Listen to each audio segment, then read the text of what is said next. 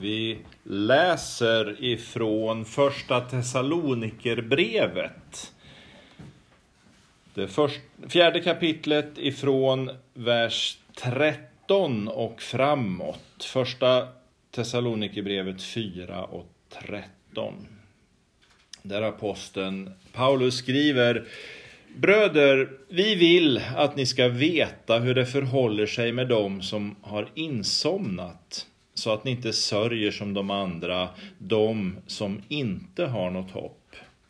Eftersom vi tror att Jesus har dött och uppstått så tror vi också att Gud ska föra fram dem som insomnat i Jesus tillsammans med honom.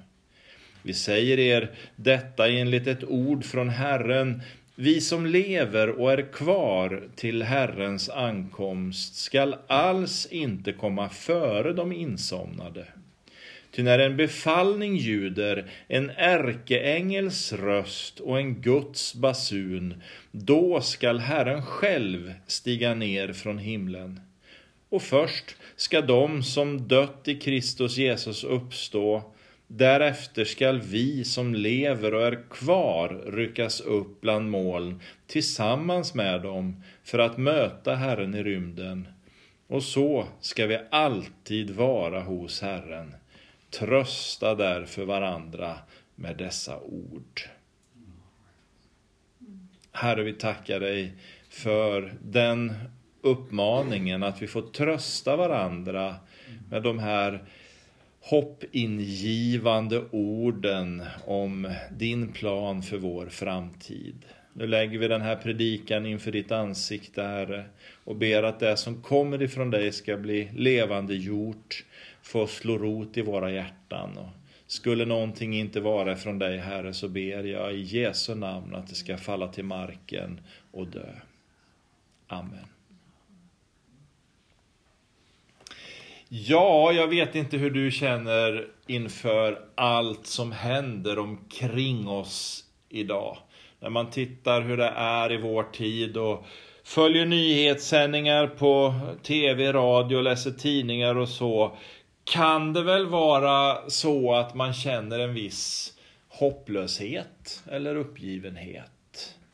Småsinthet som gör att skolor så här års inte får ha avslutningar i kyrkor.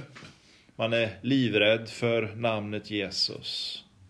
Eller när man ser att tyvärr allt för många kyrkor och samfund verkar ha drabbats av någon slags kollektiv teologisk härdsmälta. Det är inte längre så att Bibeln verkar vara den högsta auktoriteten i allt den undervisar och lär. Man förvärldsligar både budskap och uppdrag och på område efter område verkar det mesta falla sönder. Och så mitt i det här finns vi, du och jag. Och vi lever med en kallelse att vara ett ljus i det här mörkret. Församlingens kallelse är ju att vara en motkraft till allt det här destruktiva som bryter ner och raserar och förstör Guds skapelse. Och även om det kan kännas som ett övermäktigt uppdrag så står det där genom tiderna oavsett vad vi människor säger och tycker. Och då tycker jag att de här sista orden som Paulus skriver i det jag läste nu är så viktiga. Trösta varandra med dessa ord. Och jag kan känna i vår tid att vi behöver tröst och uppmuntran. Vad jag tror att Gud tänkte på när han födde de här orden i Paulus hjärta var just att det finns ett hopp som sträcker sig bortom tid och rum. Som ligger bortom vår förmåga och våra möjligheter. Någonting som blir uppenbart i de sista dagarnas kaos innan Jesus kommer tillbaka. Och tittar vi oss omkring idag här då så ser vi en värld som på många sätt uppfyller det där som syndafallet på något sätt antyder är konsekvensen av ett liv utan Gud. För allt idag verkar handla om att åsidosätta Gud, att försöka ignorera Gud. Vi behöver inte honom längre. Se vad bra det går. Vi klarar oss själva. Och så förverkligar vi, oss, förverkligar vi oss på alla sätt genom att bygga vårt eget kungarike på jorden, där vi själva är centrum och mittpunkt. Så läser vi i Jesajas 14 kapitel att själafiendens mål är ju att sätta sig över Gud, att ta hans plats, att putta honom åt sidan. Och ett led i den planen är ju att du och jag och mänskligheten ska dras med i fallet. Men resultatet av det blir ju bara tomhet. Det blir en ständig jakt efter att fylla det där tomrummet där Gud fanns. Och jag återkommer ofta till den irländske dramatikern Samuel Beckett. Jag tänkte på det också när du Rosi pratade om den här, det här ljuset som så snabbt blåses ut. Samuel Beckett han berör just den här tanken i pjäsen I väntan på Godot. Tomheten utan Gud. Och så säger han om livet att det är som om en kvinna föder gränsle för en, över en grav. För ett ögonblick blir det ljust, men sen är det mörkt igen. Jag vet inte om det är någon som har hittat en så tydlig beskrivning av meningslösheten i ett liv utan Gud än just de orden. Livet är som om en kvinna föder gränsle över en grav. För ett ögonblick blir det ljust och sen är det mörkt. Ett evigt mörker. I relation till det så läser vi nu orden som Paulus skriver. Ord som han skriver för att trösta och för att uppmuntra just där det mörkret råder. Han talar i termer av en motvikt till den här meningslösheten och tomheten med att vi ska inte sörja som de som inte har något hopp. Vad Paulus gör genomgående i alla brev är ju att han försöker att visa och uppmana människorna till att se att det finns ett liv bortom här och nu. Det finns ett liv bortom döden. Det finns en himmelsk evighet. Det finns ett paradis. Och det är dit Gud har kallat oss människor. Det var ju därför Jesus kom. För att friköpa oss ifrån meningslösheten och tomheten. Och försöker vi hitta någon slags övergripande förståelse för det här med advent så kanske man skulle säga att det handlar om ett slags då, det handlar om ett nu och det handlar om sen. Och vi har en tro i detta att Jesus kom och gjorde massa saker. Men han är fortfarande verksam bland oss denna dag. Samtidigt som det sträcker sig mot detta att faktiskt Jesus har lovat att komma tillbaka för att hämta oss. Därför skriver Paulus i Kolosserbrevets första kapitel att vi har hört om er tro i Kristus Jesus, om den kärlek som ni har till alla de heliga på grund av hoppet som är förvarat åt er i himlen. Om detta hopp har ni redan hört i det sanna budskapet. Tron som Paulus talar om, är en själens blick emot Gud. Vi har hört om er tro i Kristus Jesus, säger Paulus. Och den tron bygger på vad Jesus en gång har gjort för oss genom att han tog kampen i vårt ställe. Han tog striden mot synden och han övervann den eftersom vi inte kan. Kärleken är vår blick emot våra medmänniskor. Den andefödda kärleken är den kärlek som du och jag, Guds församling, verkar i här idag. Och hoppet är vår blick in i framtiden. En blick in i en framtid med förväntan. Det är vårt hopp som ger oss förtröstan, som ökar överlåtelsen och tron på Gud samtidigt som den fördjupar kärleken till våra medmänniskor. Och när vi landar i de tankarna så brukar jag tala om något som jag så konstigt kallar för den eskatologiska livshållningen. Det där är ju ett konstigt ord. Men eskatologi handlar om den sista tiden, om den här tidsålderns avslut. Kanske att du minns att Paulus talade om att uppmuntra och trösta i texten som vi läste. Och ser vi på de bibeltexter som handlar om den yttersta tiden behöver vi förstå att urkyrkan läste alla dessa texter inte med skräck och fasa inför vad som skulle komma utan som tröst och uppmuntran med en längtan efter befrielse ifrån detta jordiska. Och det är en tanke som för oss tillbaka till första Thessalonikerbrevet 4 och 14 som talar om tron på Jesu död och uppståndelse. Den eskatologiska livshållningen handlar nämligen om att leva med framtiden i ryggen. När vi har lärt känna Jesus vet vi också att det var i honom som Gud dömde vår synd på korset. Därför kan vi möta framtiden med vetskapen om att den dom som vi en dag ställs inför redan är avklarad eftersom Jesus utbrast på korset, det är fullbordat. Så vad vi egentligen väntar på har redan hänt. Och därför säger jag, vi kan med tillförsikt leva med framtiden i ryggen. Och det är också där vi hittar nyckeln till vad Paulus menar när han talar om vårt hopp inför Jesu återkomst. Och för att försöka dra ihop de här tankarna vill jag säga att Paulus egentligen inte gör någon specifik teologi kring det här med Jesu återkomst.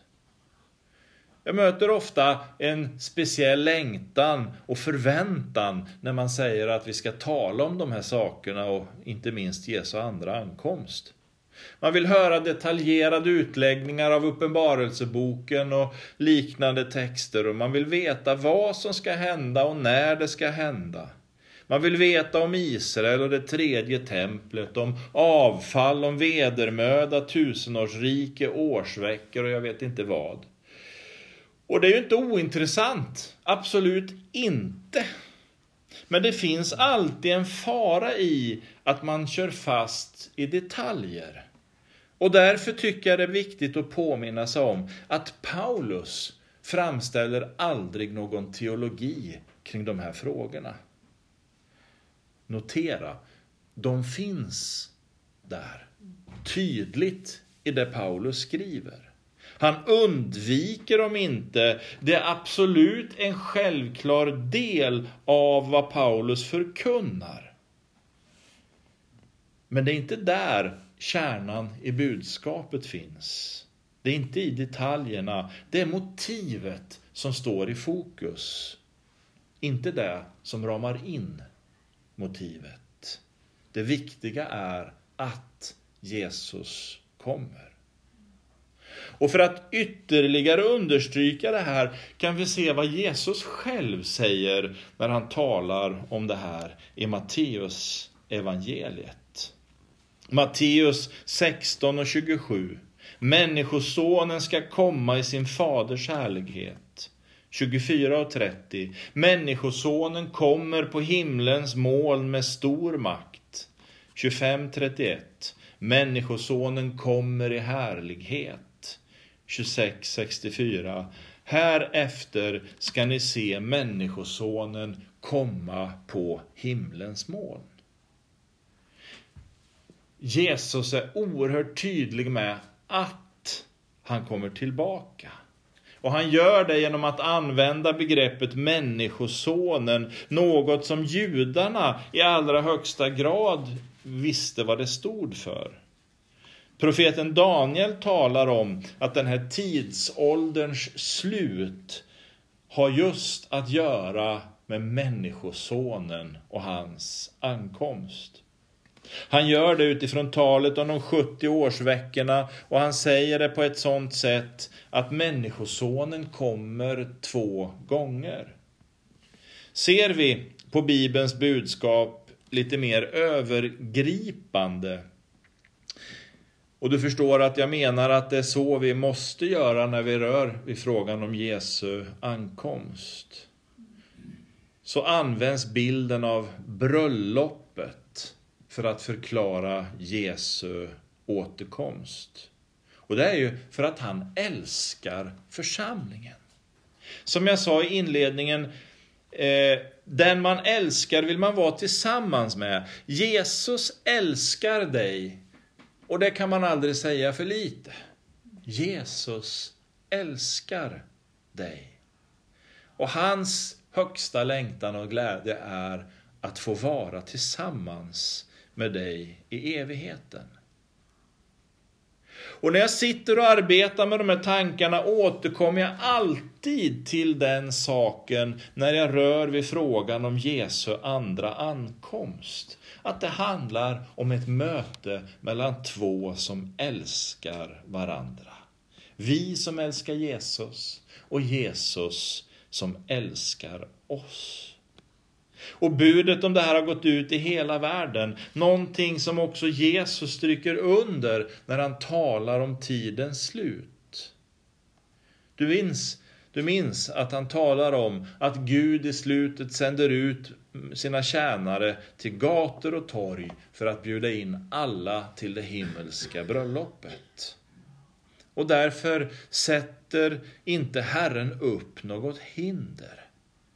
Du och jag som är samlade här idag, vi är inbjudna. Med alla våra ryggsäckar av erfarenheter där det finns misslyckanden, där det finns synd, där det finns besvikelser, så bjuds vi in att lägga det vid Jesu kors så att vi lättade och med glädje kan gå in i paradiset under lovsång till vår frälsare. Så när jag sitter med de här tankarna så har jag egentligen bara ett enda mål med undervisningen. Att få lägga lite mer bränsle på din kärleks eld så att din längtan efter att få möta Jesus växer sig lite större och starkare. För det är det som är det centrala. Inte i första hand allt det där som föregår hans ankomst, hur spännande det än kommer att bli. Nej, det allra viktigaste är ju att löftet om hans andra ankomst kommer att uppfyllas lika visst som att han kom den första gången som, som profeten Daniel också talade om med sina årsveckor. Det handlar om att längta efter den man älskar. Låt oss be. Jag tackar dig himmelske Fader för att vi får möta de här stora tankarna och svåra tankarna på ett sätt som ska ge oss tröst och uppmuntran i en mörk och svår tid. Att det handlar om din kärlek till oss vad du har gjort för oss så att pärleporten är öppen och du har fullbordat allting. Herre, hjälp oss att sätta blicken på det motivet utan att ignorera allt som du talar om i ordet ska, som ska hända. Så är det ändå, Herre, dig vi ska se på, ditt löfte att du har lovat att komma tillbaka. Ge oss ett starkare hopp och en starkare längtan, Herre, i en tid som försöker att fördunkla och, och göra det svårt att se det här. Men du har all makt och du har kontrollen oavsett vad som händer. Hjälp oss att stå på den verkligheten. I Jesu namn. Amen.